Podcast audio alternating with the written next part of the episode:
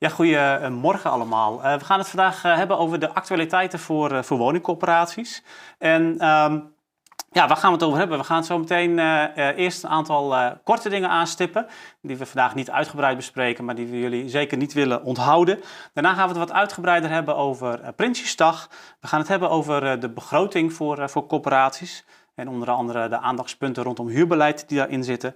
we hebben ruimte voor kijkersvragen, dus die kun je stellen in de chat of via coöperatiestratege.nl slash kijkersvragen. Um, en we gaan tot slot ook nog eventjes vooruitkijken. En dan kijken we dus uh, in de glazen bol naar wat de toekomst uh, gaat brengen.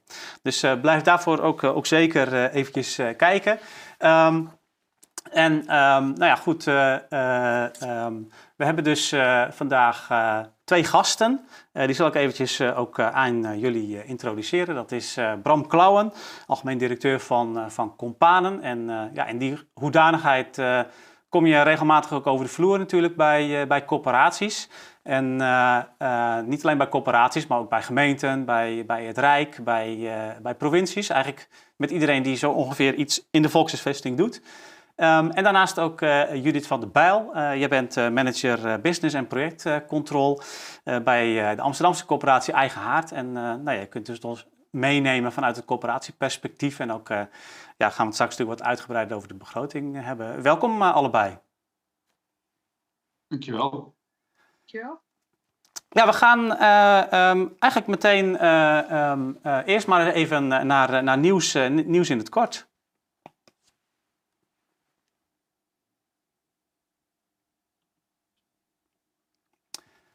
Ja, want uh, um, Bram, ik begreep dat er uh, binnenkort weer nieuws is over opgaven en middelen. Kun je daar iets meer over vertellen? Nou, wat, wat op de agenda staat voor de komende week is dat de Kamercommissie Binnenlandse Zaken het gaat hebben over de staat voor de volkshuisvesting. Ehm, in die staat voor de volkshuisvesting schetst de jongen eigenlijk de voortgang van al zijn programma's. Ik heb er nog niks van gezien in de zin van wat is nou de voortgang? Je kunt wel iets vermoeden dat, het, uh, dat we hele hoge ambities hebben en nog niet allemaal waarmaken. Uh, en een van de elementen die ook op de agenda staat is eigenlijk de doorrekening van uh, de prestatieafspraken. Kunnen we dat nou aan? Mm -hmm. En uiteindelijk, ja, de, dat zie ik natuurlijk al heel lang rond, dat de ambities destijds misschien in die nationale prestatieafspraken nog een sluitend geheel waren. Maar dat met de uh, kostenstijgingen dat inmiddels uh, niet meer zo is. En de signalen die ik krijg dat rond 2028, 29, 30 uh, corporaties eigenlijk door hun investeringsmiddelen heen zijn als ze netjes die nationale prestatieafspraken uitvoeren. En dat zal denk ik ook wel uit de uh, actualiteit van de opgave en middelen gaan blijken. Ja, nou, dat is natuurlijk wel een, wel een uh, belangrijk uh, signaal. Want ja, um, ik zeg wel eens gekscherend, uh, corporaties gaan altijd over tien jaar failliet. Maar ja, 2028 is wel iets dichterbij. Dat, ja, dat is vijf jaar geloof ik. Ja, ja, ja. ja. Um, Judith, um, een hele andere actualiteit. Want dit is natuurlijk wel iets om in de gaten te houden. Maar gaan we het nu niet verder uitgebreid over hebben. Judith, jullie zijn ook bezig met flexwonen, begrijp ik. Ja, dat klopt. En uh, ik begrijp zeg maar, vanuit volkshuisvestelijk perspectief dat flexwonen uh, misschien wel een, uh, een van de oplossingen kan zijn, een mogelijke oplossingsrichting. Maar de heilige graal, zoals die eigenlijk in, in, in de pers wel is, eh, ook in de Kamer en hoe, hoe minister De Jonge daarover praat, ja, daar, daar geloof ik eigenlijk niet zo, niet zo in. Ik zie gewoon dat het ook in, in de projecten die wij doorrekenen, dat het echt een heel duur product is. En uh, nou ja, met de ontwikkeling van de huidige prijzen dat dat nog lastiger wordt. En je ziet al dat in Amsterdam er een locaties teruggegeven door de corporaties, omdat het de, ja, de business case ook niet met de onrendabels die we acceptabel vinden door te rekenen is, sluitend te krijgen is. Ja. Bram, hoe kijk jij ernaar? Want jij komt ook wel eens bij gemeenten die dit graag willen natuurlijk. Ja, ja ik zie flexwonen, um, ja, het heeft ook wel een grote symbolische uh, betekenis. En de vraag is of je met het uh, kapitaal wat we hebben in Nederland, of je daar uh, symbolisch mee te werk moet gaan. En soms kan het echt wel een oplossing zijn hoor, als je, als je een pauzelandschap hebt en daar tijdelijk iets neer wil zetten. Dus dan moet je het vooral ook doen. maar ik hoor eigenlijk bij, bij nagenoeg alle corporaties waar ik kom dat de business case ja, slecht is. Uh, herplaatsingsgarantie die uh, in de begroting zit, niet zo heel veel om, ja, of eigenlijk dat probleem niet oplost. Um, en ik maak me ook wel zorgen, want nu, nu wordt er uh, beloofd dat het allemaal herplaatsbaar en kwaliteit is. en dat, dat weten we niet. Je kunt niet over 15 jaar kijken wat dan de kwaliteit is van dat vastgoed. Nee. Ja, dus we gaan natuurlijk straks nog wel in de glazen bol kijken, maar uh, ja, dat is, ja. 15 jaar is lastig. Ja. En tegelijkertijd is er snelheid nodig. Hè? Dus, dus dat, is, dat is de keerzijde. Dus ja. doe, doe ook wel dingen wel. Dus uh, niet in cynisme blijven hangen. Ja. Nou, er wordt bij Eigenhaard ook heel serieus naar gekeken. En we hebben ook echt een aantal grote projecten in, uh, in, uh, ja, in, in behandeling of waar we, waar we naar kijken. Dus we zijn echt aan het kijken hoe het wel kan. Alleen wat je merkt is dat met name doordat je op deze woningen afschrijft en niet de reguliere waardeontwikkeling hebt, dat het gewoon een hele lastige, uh, lastig is. En heel veel onzekerheid rondom wat is nou de waarde van die woning over 15 jaar. En wat we onderschatten met elkaar, of wat ik in ieder geval voor mezelf onderschat heb, wat het effect is van verplaatsen en de leegstand en alles wat daarmee te maken heeft. Ja. Dus het is gewoon zoeken van hoe we dat doen. En we zijn bij Eigenhaard vooral bezig om te kijken hoe het wel kan. Ja, dat is natuurlijk ook wat, uh, ja, wat, wat, wat, wat we graag willen. Hè? Kijken naar wat, wat, er, wat er wel kan. Uh, een andere actualiteit die ik zelf nog voorbij zag komen is, uh, ook niet, mag ook niet onbenoemd blijven, de uh, verbetervoorstellen die worden gedaan voor uh, de, uh, ja, de waardering van, of, de, of het opstellen van de beleidswaardering. daar is, loopt op dit moment een internetconsultatie voor. die loopt nog tot 4 oktober, dus als je daar nog op wilt reageren, dan kan dat. een van de belangrijkste voorstellen voor wijzigingen is in ieder geval dat de disconteringsvoet wordt, wordt aangepast. waar nu nog gewerkt wordt, ook in de beleidswaarde met een marktconforme disconteringsvoet, wordt dat in de voorstellen in ieder geval straks een sectorspecifieke disconteringsvoet, waardoor die beleidswaarde wat realistischer wordt, waardoor die ook, als het goed is, uh, dat is met name het voordeel, stabieler wordt. Um, zo zijn er nog een aantal andere voorstellen, onder andere het inrekenen van onderhoud, um, ook het inrekenen van ja, in min of meer verplichte investeringen ook in, in verduurzaamheid, in verduurzaming. En, en ook gaat het over het, de levensduur. Om alles om, dat, om die beleidswaarde wat realistischer te maken en ook stabieler. zodat je als corporatie niet van het een op het andere jaar ja, met, met een hele andere investeringsruimte zit. Overigens is het niet de bedoeling dat de investeringsruimte hierdoor groter of kleiner wordt. Dus AW en WSW zijn ook bezig om hun ratio's en hun normen daarop aan te passen. Maar goed, we hebben in het verleden natuurlijk wel gezien dat dat voor individuele corporaties nog wel eens wat kan, kan verschillen. Dus dat is ook wel iets om, om in de gaten te houden. En op, op internetconsultatie.nl kun je daar dus ook als corporatie nog, nog op reageren tot, tot 4 oktober. Um, dus dat, nou, dat was ook nog een actualiteit die mij opviel. Bram, um, Volgens mij heb jij ook intensief gewerkt, of in ieder geval jullie bij Compaan hebben intensief gewerkt aan de handreiking voor de prestatieafspraken, want die is er ook weer, zag ik. Ja, er, is, er, zijn meerdere handreikingen. Het, ministerie heeft zelf een actualisatie gedaan op basis van de programma's van Hugo de Jonge, van de handreiking prestatieafspraken die we twee jaar geleden met de Edes Woonbond en de VNG gemaakt hebben. En voor Edes hebben we uh, afgelopen zomer een uh, soort inspiratieoverzicht uh, gemaakt per thema uit de nationale prestatieafspraken. Wat voor type afspraken kun je nou maken tussen gemeenten, corporaties en huurdersorganisaties? Met daarbij ook juist veel aandacht voor de wederkerigheid. Dus juist voorbeeldafspraken, en die zijn fictief. Wel een beetje gejat uit, uit de praktijk natuurlijk. Mm -hmm. Uh, gelukkig, want uh, dan heeft het ook nog realiteitswaarde, maar wel uh, steeds van als, als je even een prestatieafspraak is waardevol als je beide er iets voor moet doen.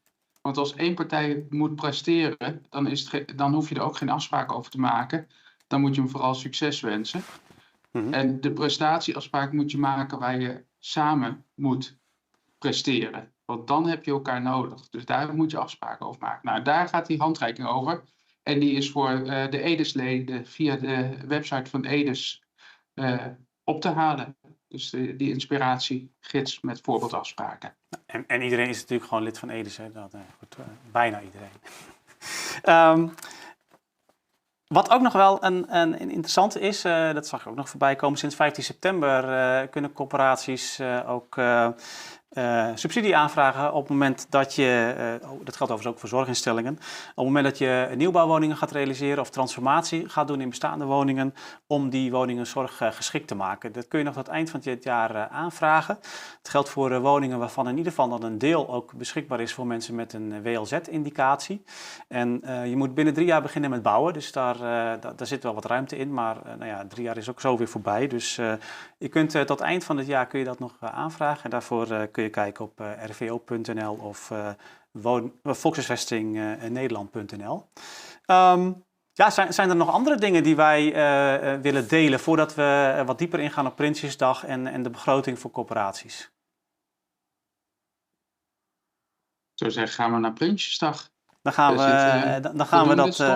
ja, dan gaan we, nou, dan gaan we dat, gaan we dat natuurlijk doen.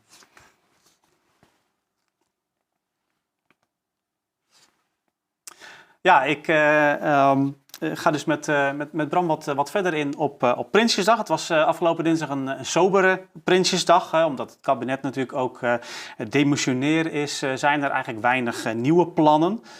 toch is er wel genoeg om over te praten, want ja, de opgave voor corporaties is er niet minder om. laten we eerst even luisteren naar wat de koning zei over de volkshuisvesting in de troonrede.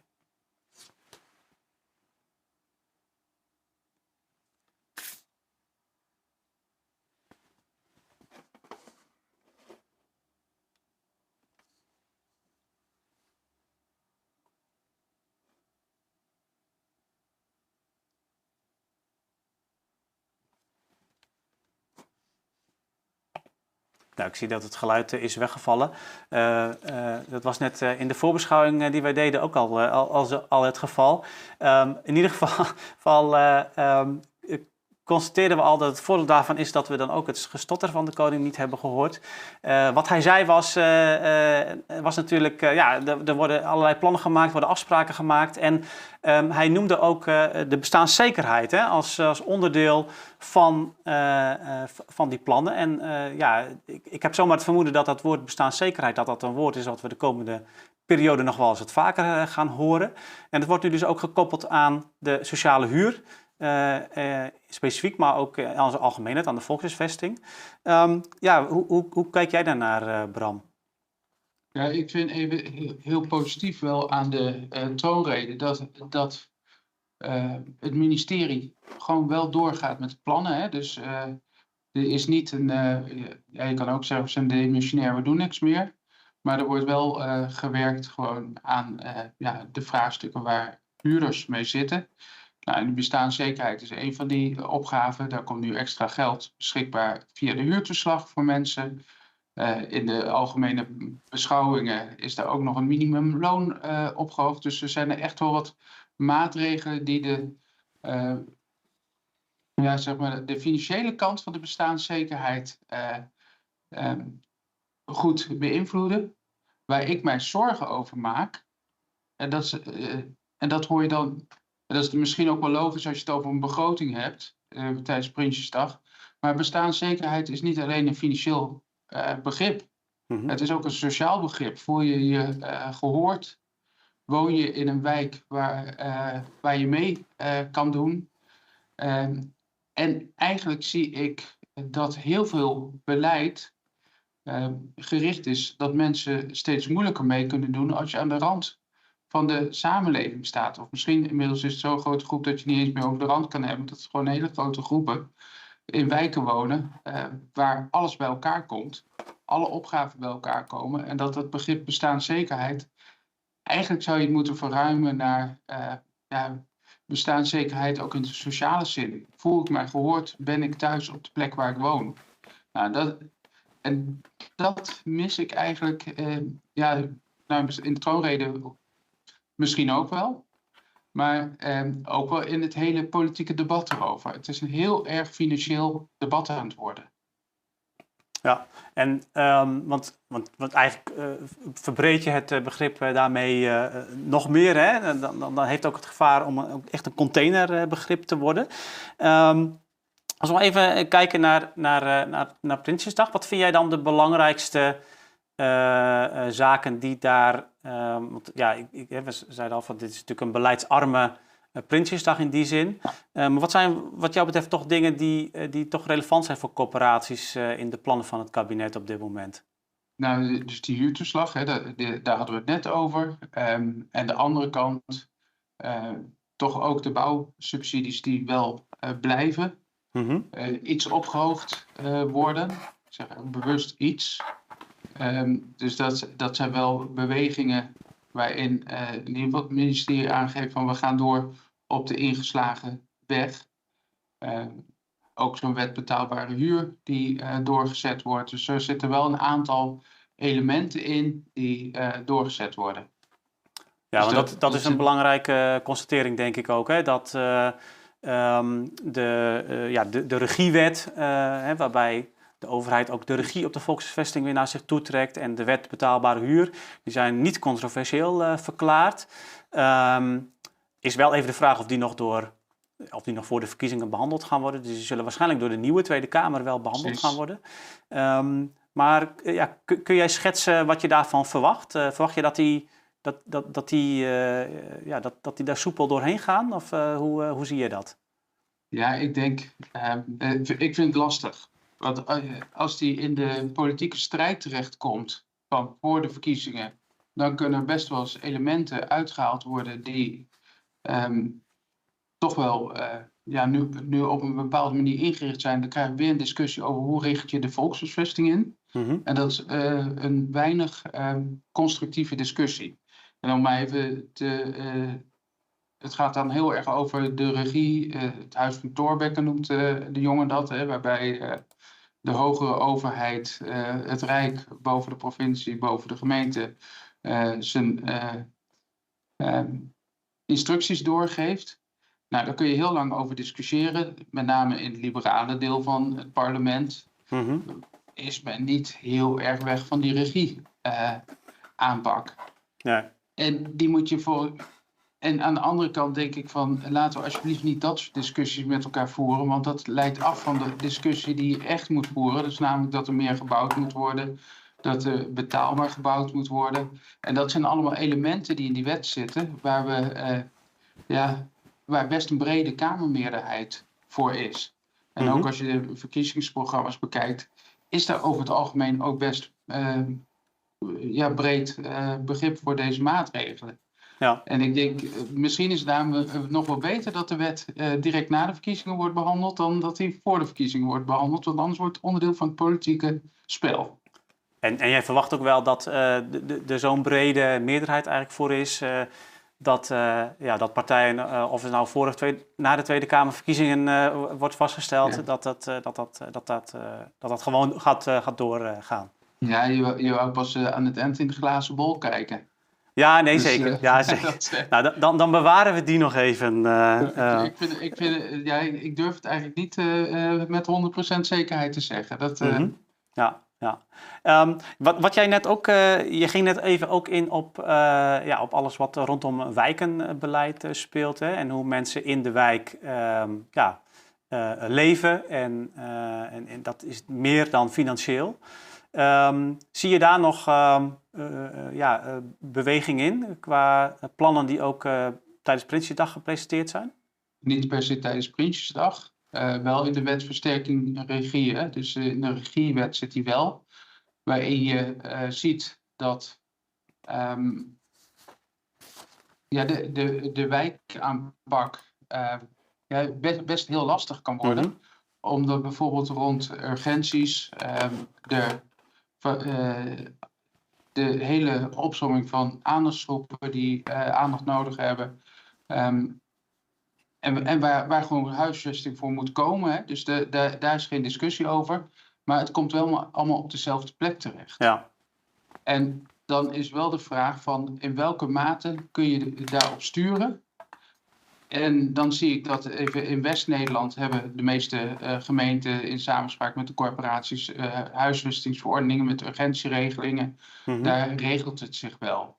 Ja. Grote delen van Noord-, Oost- en Zuid-Nederland kennen die urgentieverordening niet.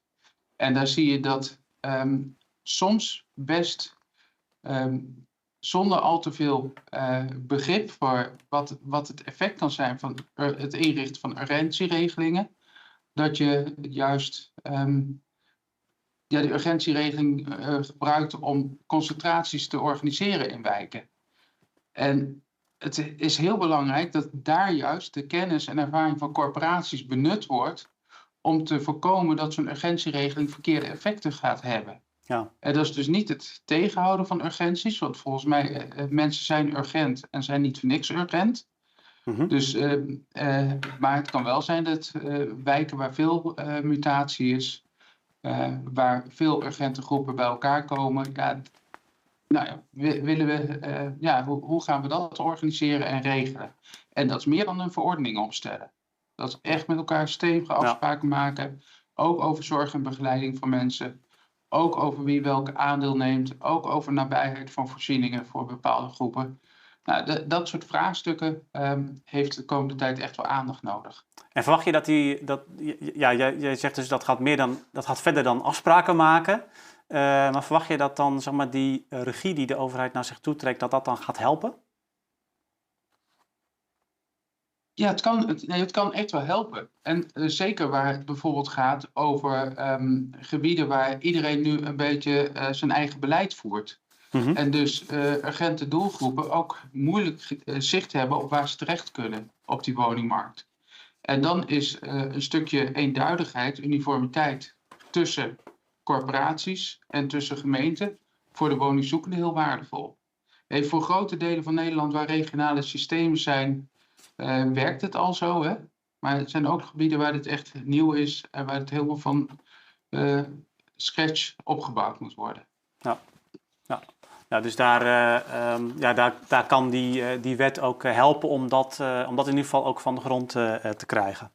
Ja, mits je het goed invult en niet alleen maar een soort publiek feestje van de gemeenteraden laat zijn. Mm -hmm.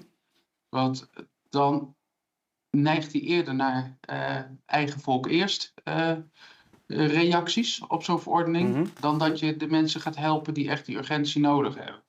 Ja, dus je moet de gemeenteraad uh, niet te, te, hard laten roepen. Die, die moeten gewoon hun rol spelen, maar je moet ze wel goed helpen in het spelen van die rol, laat ik ja. zo zeggen. Ja, ja dat... Um, Dankjewel, uh, Bram. Uh, waren er nog andere dingen in qua Prinsjesdag die je opvielen? Nou, wat meer in algemene zin, en dat vind ik nu ook weer bij zo'n start bouwimpuls. Uh, er was, dat is door gemeenten die moesten uh, lijsten aanleveren bij het ministerie met voorstellen van hoeveel bouwplannen kunnen op korte termijn starten als we een extra financiële impuls geven. Nou, dat heeft geleid tot een, een lijst met aanvraag voor 3,3 miljard euro aan bouwsubsidie. Toen dacht het Rijk van poeh, dat is toch wel heel veel geld. Dat hebben we niet. Mm -hmm. Toen was het 250 miljoen was al beschikbaar. Daar komt nu 50 miljoen bij. Dus eigenlijk van 8% van de aanvragen gaan we naar 10% van de aanvragen. En wat ik eigenlijk vooral het kwalijke vind, is dat er dus nu al gemeenten de afgelopen maanden met stoom en kokend water de lijst hebben moeten opstellen, hebben moeten afstemmen met uh, corporaties, met projectleiders over welke plannen daar nou voor een aanmerking komen. Vervolgens worden de spelregels uh, aangepast omdat we te veel geld nodig hebben. En die projectleiders, ja, laat ze alsjeblieft met hun bouwprojecten bezig zijn en niet met dit soort lijsten invullen.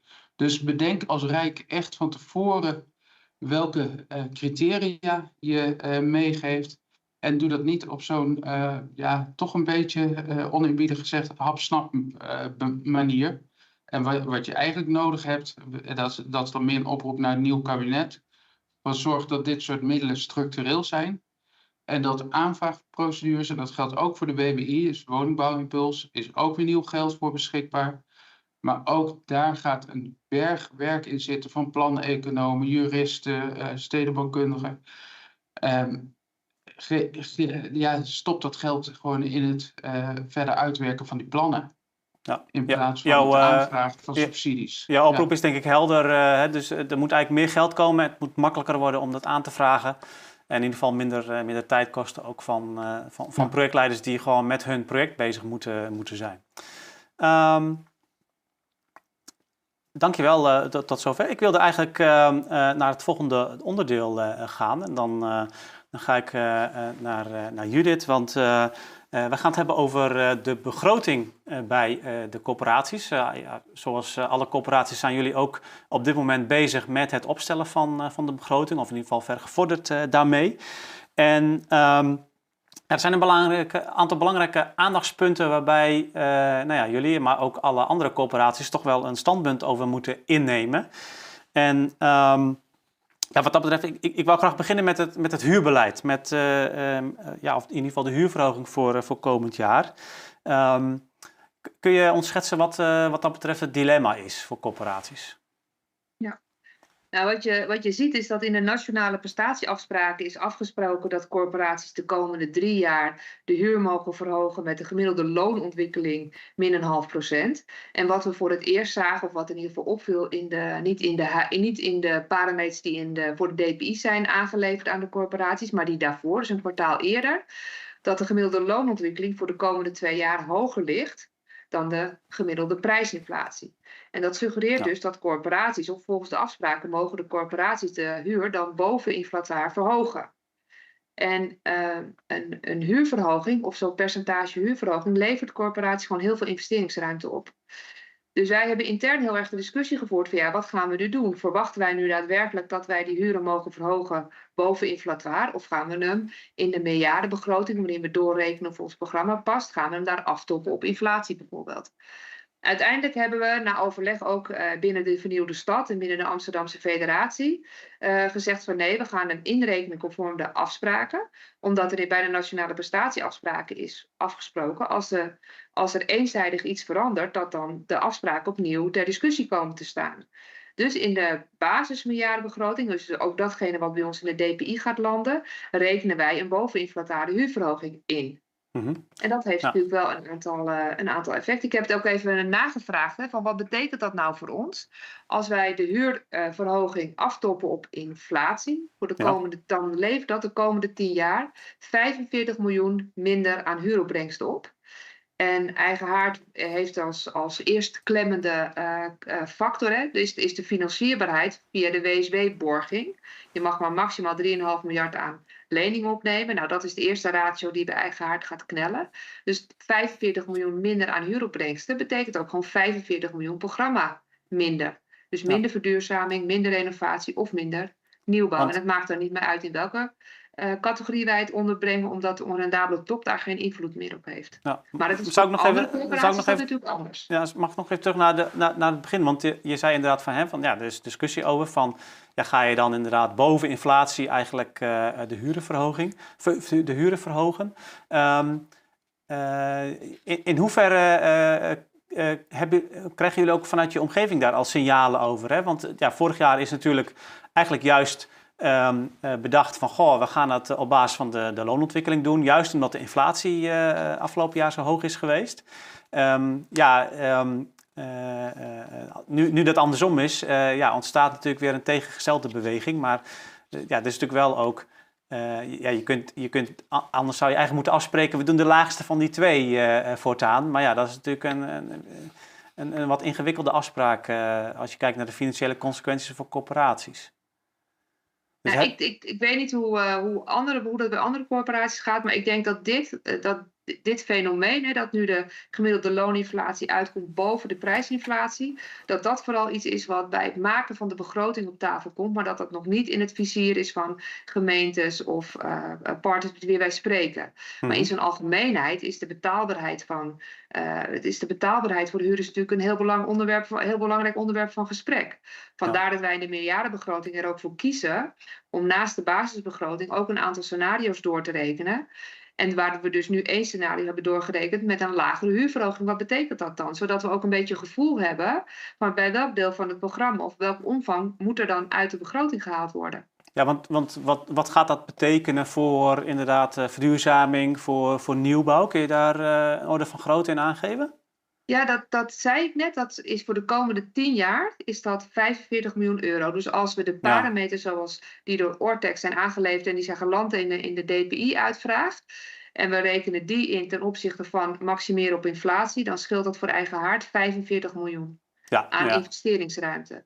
Dus wat precies. we minder kunnen lenen, omdat we die, eh, die huren eh, minder, minder verhogen. Ja, nou ja, goed. Iedereen kan denk ik voor zichzelf uitrekenen hoeveel woningen dat zijn als je in je eigen werkgebied die moet Ja. eh, nieuw bouwen. Eh, en ook inderdaad, ja, wat, wat, wat, wat betekent dat? Maar goed, dat zijn natuurlijk geen kleine aantallen inderdaad.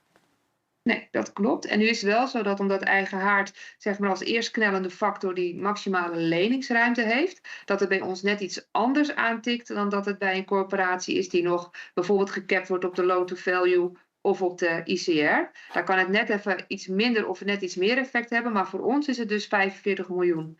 En dat zijn natuurlijk aanzienlijke bedragen. Ja. Ja, ja Maar de afspraak die wij gemaakt hebben, wat wij dus nu gedaan hebben, omdat we ook willen laten zien ook naar Mhm. de overheid van nou, dit is wat jullie met ons hebben afgesproken en dan is dit het effect. En dan zullen we ter zijn tijd moeten gaan kijken van wat er uiteindelijk uit de politieke discussie komt. Maar Ja. in de vernieuwde stad en in de Amsterdamse federatie is afgesproken dat iedereen die hogere ruimte aan, eh, eh, aan huurverhoging inrekent. Ja. En daar haar programma op aanpast. Ja, we gaan, eh, we gaan inderdaad zien ja, hoe zich dat ook ontwikkelt en hoe dat ook in het maatschappelijke debat en in het politieke debat zich gaat ontwikkelen. Ehm, ja, ik denk dat in, in, in principe is het natuurlijk, ja, we hebben daar een afspraak over gemaakt als sector met het ministerie. Dus daar moet je dan inderdaad ook vanuit kunnen gaan. Dus ik snap jullie keuze daarin. En, eh, en ja, goed, je kunt natuurlijk ook zeggen op het moment dat mensen meer, eh, meer loon of meer, eh, meer inkomsten in ieder geval ontvangen, ja, dan, dan kunnen ze misschien die hogere huur ook, ook betalen. Ehm, nog even los van natuurlijk allerlei andere discussie over, die we net ook hadden over bestaanszekerheid en alle andere ontwikkelingen die daar, daarin spelen. Ehm, een ander aandachtspunt bij het opstellen van de begroting is ook de renteontwikkeling. Ehm, eh, ja, er zijn inmiddels corporaties die, eh, die ongeveer eh, eh, maandelijks opnieuw naar de begroting moeten kijken omdat de rente weer is gestegen. Ehm, hoe, hoe nemen jullie die mee in, in de nieuwe begroting, die renteontwikkeling? Nou, ehm, wat wij eigenlijk, als je naar de, de parameters kijkt die Ortec heeft afgegeven voor de, voor de DPI, of die dus in die in de uitvraag voor de DPI zijn geland. Als je daar nu naar kijkt, en dat is natuurlijk wel een aantal weken, aantal maanden verder, vinden we die best behoudend. Dus je ziet dat, we dat Ortec bijvoorbeeld, of in de parameters zie je dat de, de, de renteverwachting eh, in 24 en 25 dat die wat zou gaan dalen.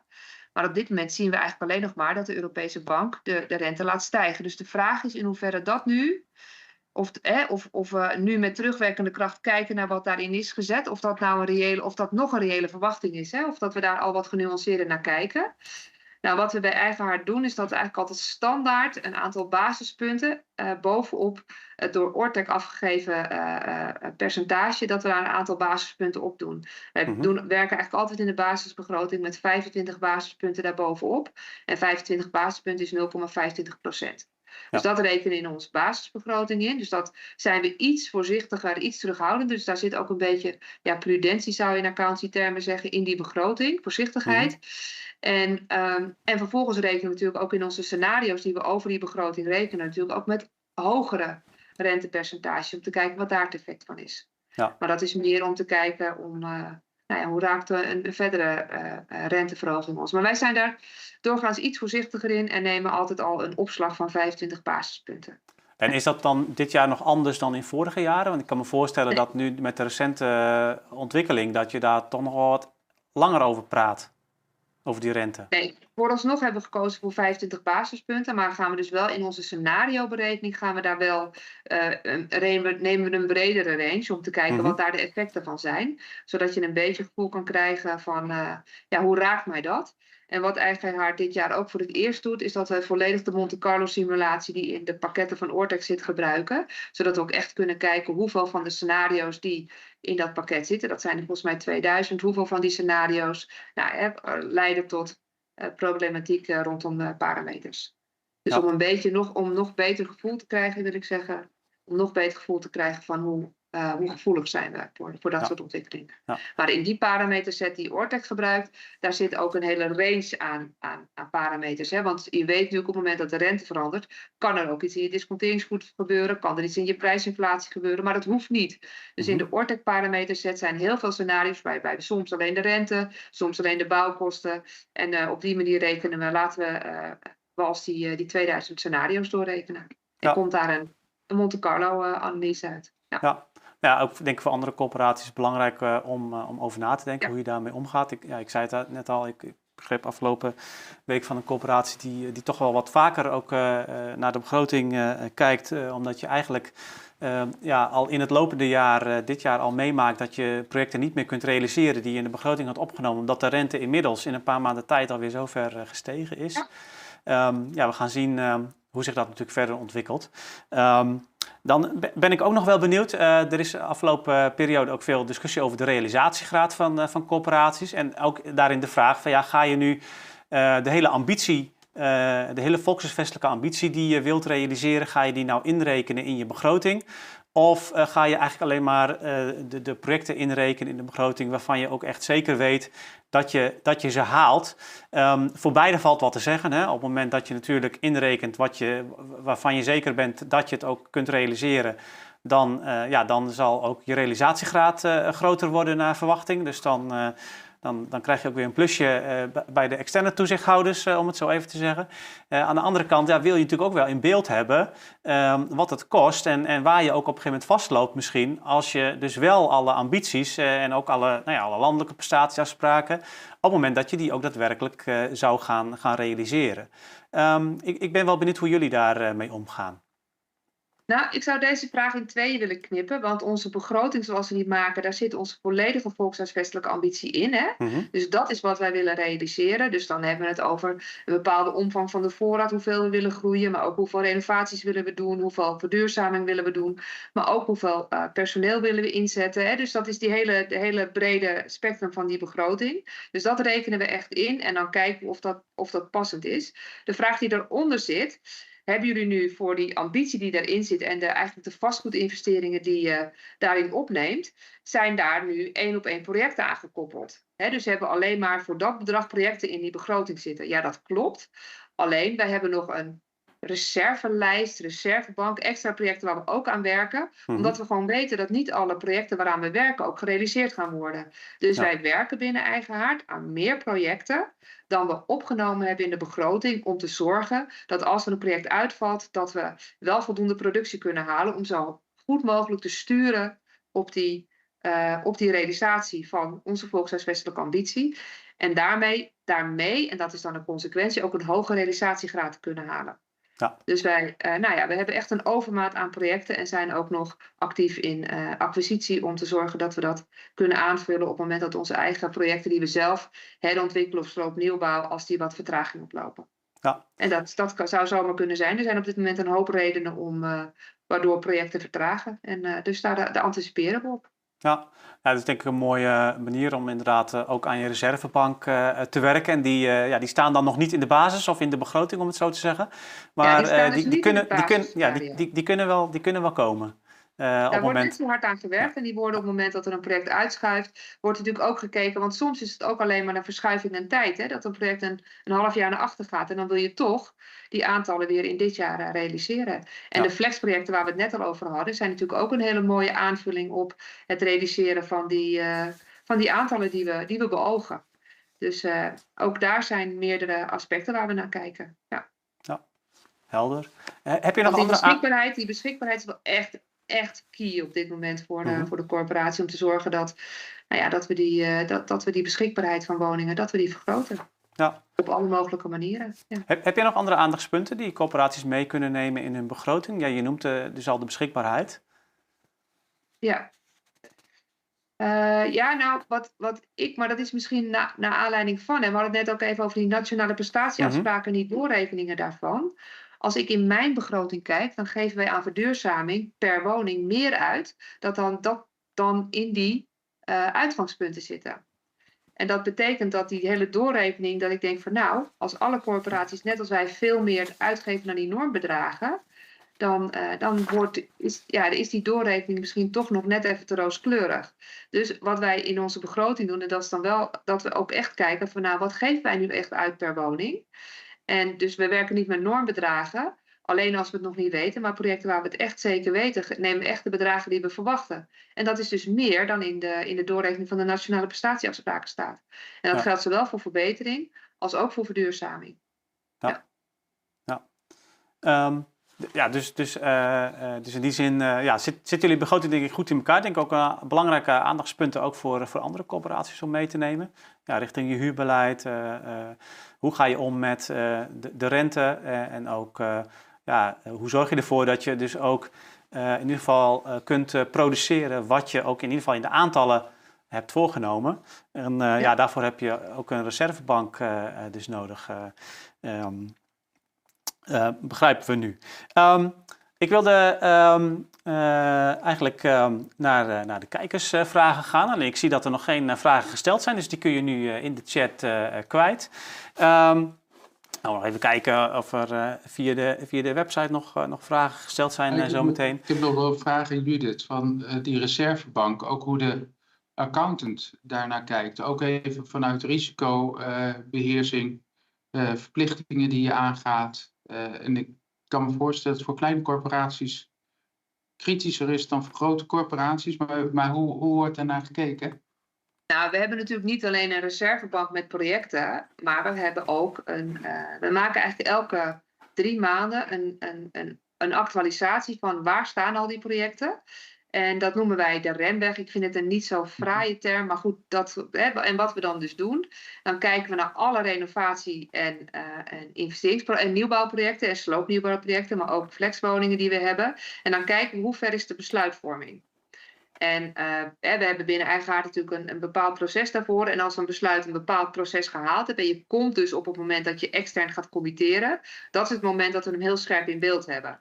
dan ga je echt kijken van, joh, past dat nog? En hoe ver hebben wij nu die kaststromen die we voor de komende jaren hebben ingerekend, hebben wij die gecommitteerd? En vaak zie je dat met name natuurlijk projecten die nog helemaal in de beginfase zijn, waar je bezig bent, dat die of heel erg vertragen of dat die weer afvallen. Maar we houden dus heel erg dat moment in de gaten van wanneer wordt het nu een verplichting. En kijken dan van, joh, uh, past die dat? Dus dat voor het moment dat je die verplichting aangaat, dat is het moment waarop we daar, uh, daar scherp op zijn. Maar dat doen we drie keer, of, uh, drie keer per jaar nadat, naast de begroting, dat we daar heel strak, strak op sturen. Helder, dankjewel. Um, ja, ik, uh, ik wilde met jullie uh, dan, uh, Mag dan ik daar maar nog één ding aan toevoegen? Ja, ja uiteraard. Het is, ja, natuurlijk, uiteraard. het is ja. natuurlijk ook zo, je hebt een bepaalde investeringsruimte als corporaties. Dus het kan ook zijn dat je zegt van, oh, als we dit project doen, dan komt er iets naar voren. Dus dan gaan we iets, nu iets meer investeren, maar dan moet het in latere jaren minder. Dus je hebt als corporatie heel veel ruimte om daar nog in te schuiven. He, dus je kunt gewoon zeggen, oké, okay, het kan nu. En we hebben die ruimte nog, dus dan doen we gewoon meer in 2024 en dan doen we in 2028 wat minder. Dus zo zijn we steeds die financieringsruimte zo optimaal mogelijk aan het inzetten, maar schrikken er ook niet van als het in één jaar toevallig wat meer is dan we begroot hadden. Maar we houden de totale portefeuille in de gaten, zodat je niet in de situatie komt dat je een externe verplichting aangaat die je niet kunt nakomen. Want dat is natuurlijk niet wat je wil. En dan druk ik mij voorzichtig uit. Dat mag Ja. niet voorkomen. Nee, nee. nee dat, lijkt me, dat lijkt me duidelijk, uh, inderdaad. Uh, Ja. En um, nou ja, um, want, want, want dan wou ik toch, uh, toch uh, ik, ik probeerde het net, net al, maar jullie wilden nog dingen aanvullen.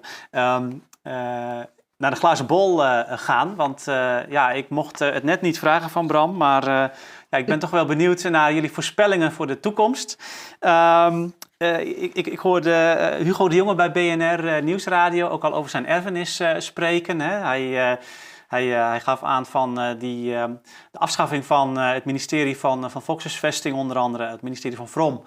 tien jaar geleden is een historische vergissing geweest. En op dit moment ja, heeft hij dus met zijn ministerie ervoor gezorgd dat er in ieder geval weer nou ja, bekendheid is dat er een minister van Volkshuisvesting is. Dat er ook allemaal afspraken zijn. Dat er ook mondjesmaat weer meer geld beschikbaar komt. Nou, we hadden het er net al over. Het gaat om vele miljoenen, maar het is nog lang niet, lang niet genoeg. Um, ik ben wel even benieuwd, ja, hoe zien jullie, wat, wat, wat wordt wat jullie betreft de erfenis van, van Hugo de Jonge?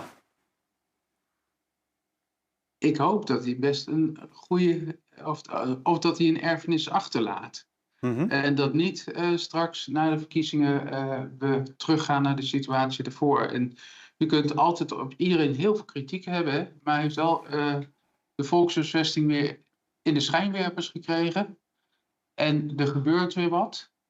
En ja, je bent niet meer een speler in de zijlijn van, van het politieke spectrum. Dus in die zin vind ik dat heel positief. En ik vind ook wel dat hij uh, met gevoel voor de sociale opgave het beleid heeft neergezet. Dus, dus in die zin hoop ik dat dat gewoon ja, dat er vooral continuïteit is. Volgens mij is dat het allerbelangrijkste wat, wat de sector nu nodig heeft. Ja. Dus geen, geen grote aardverschuivingen.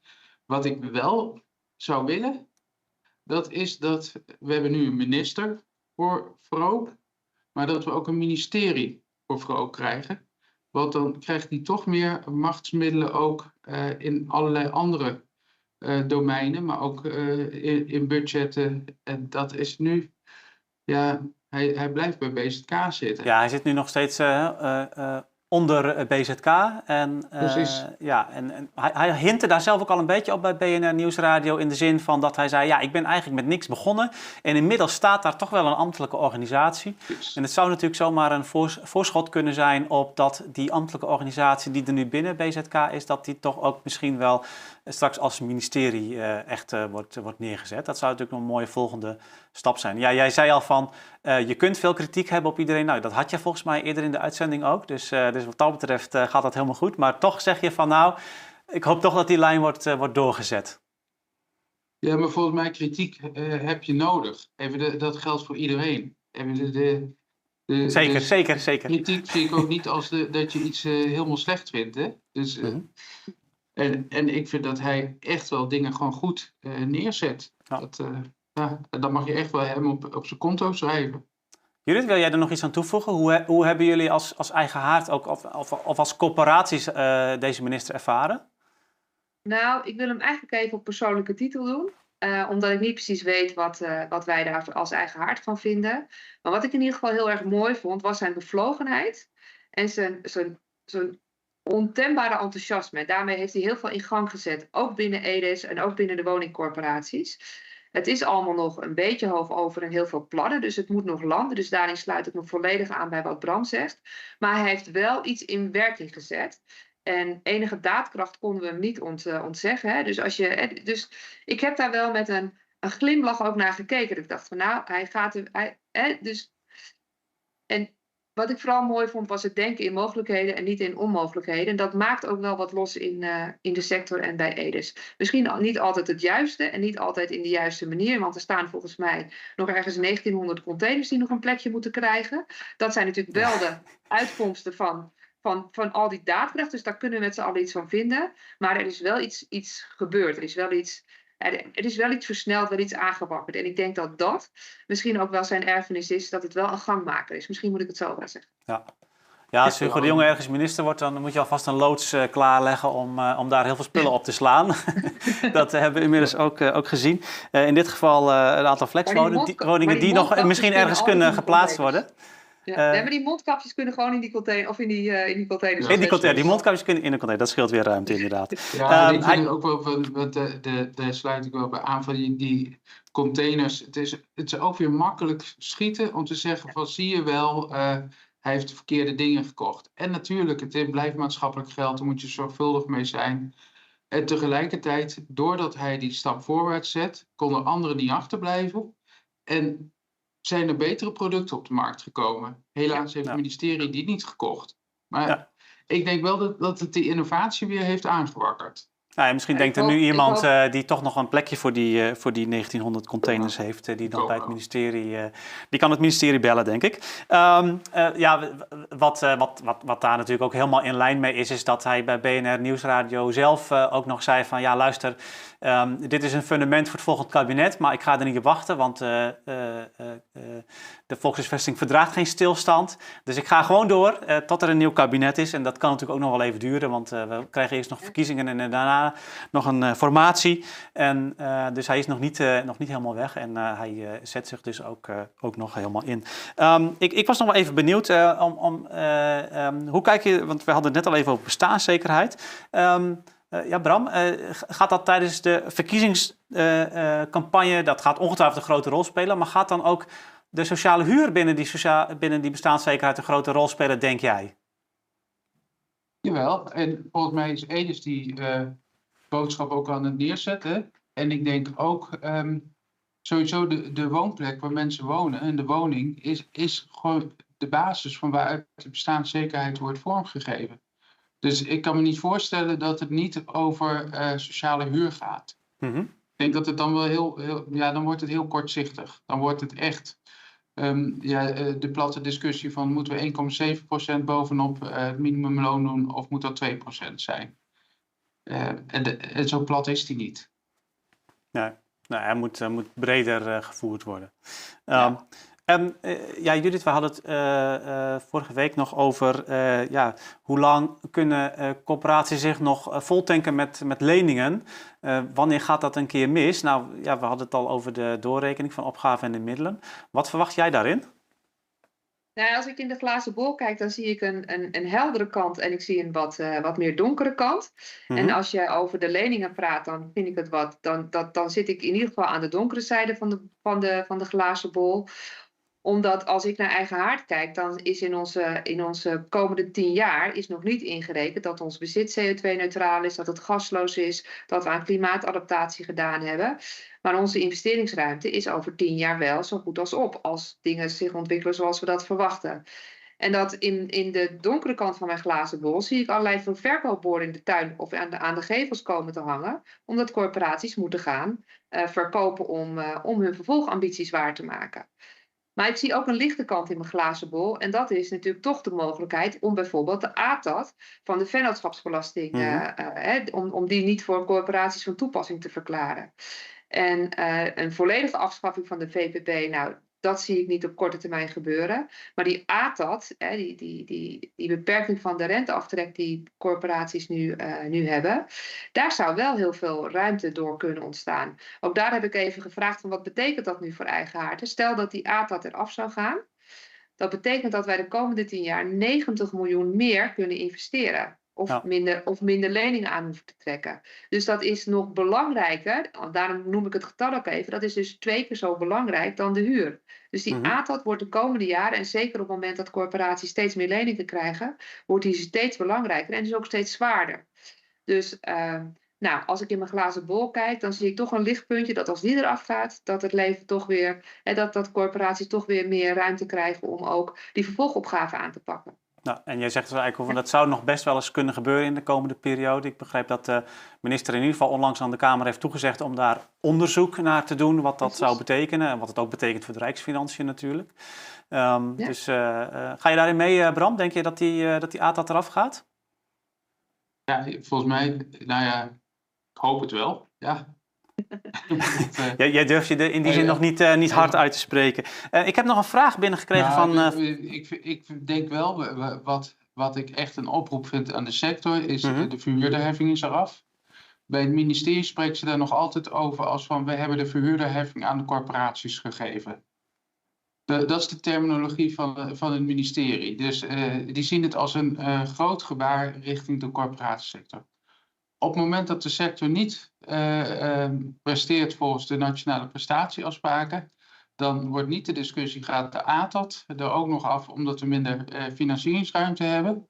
Maar dan wordt de discussie, hadden we die verhuurderheffing wel terug moeten geven eh, in al onze goedheid aan de corporaties? Of, en doen ze wel met, met het geld waar we ze voor aan de, ja, in hebben gezet. mhm. En een heel, ja, ik, ik zou toch, eh, en dat doe ik ook bij veel RVC's en besturen, maar dat is ook een beetje discussie hè, van, van moet je nou eh, strak aan de wind zeilen, eh, hoe, hoe ver moet je je vermogen uitputten en wat doet het met je continuïteit, hè?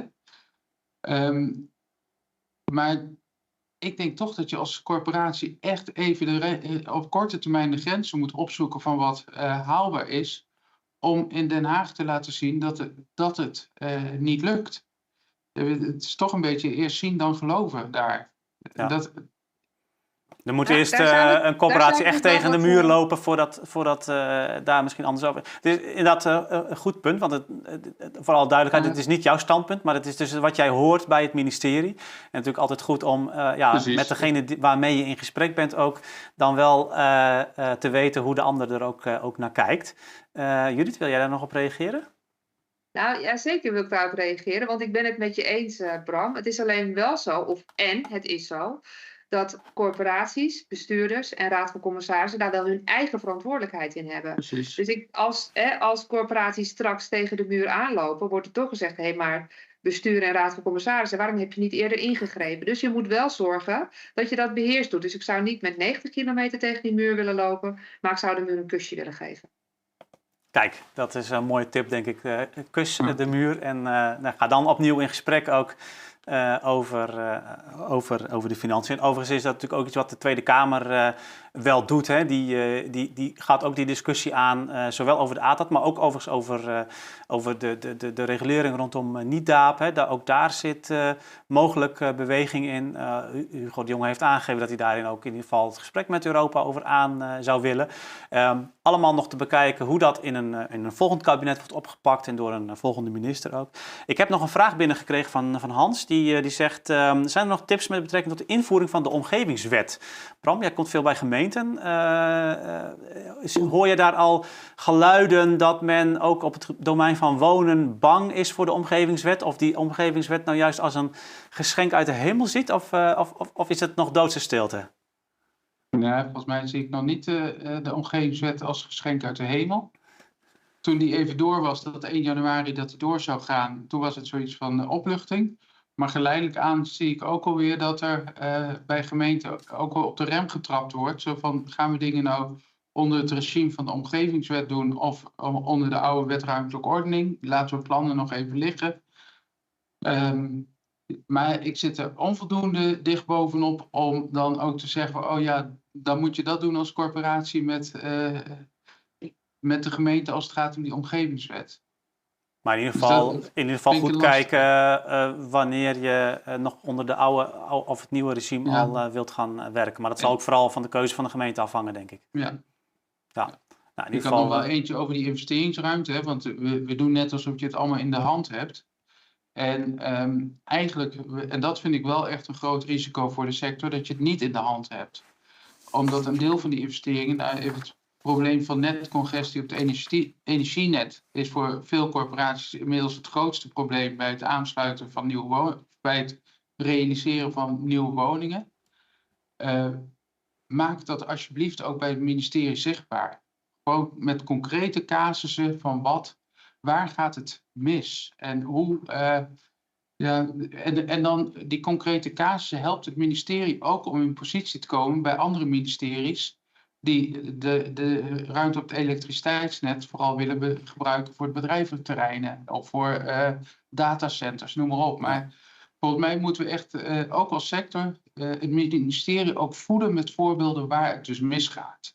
Ja. Dus dat, ja, dat is heel belangrijk. Ik, ik hoorde gisteren inderdaad een, een, een corporatie zeggen van ja, goed, in het noorden van Limburg, daar, daar, ja, daar, zitten we gewoon heel lang te wachten voordat we kunnen bouwen, omdat we anders geen stroom hebben.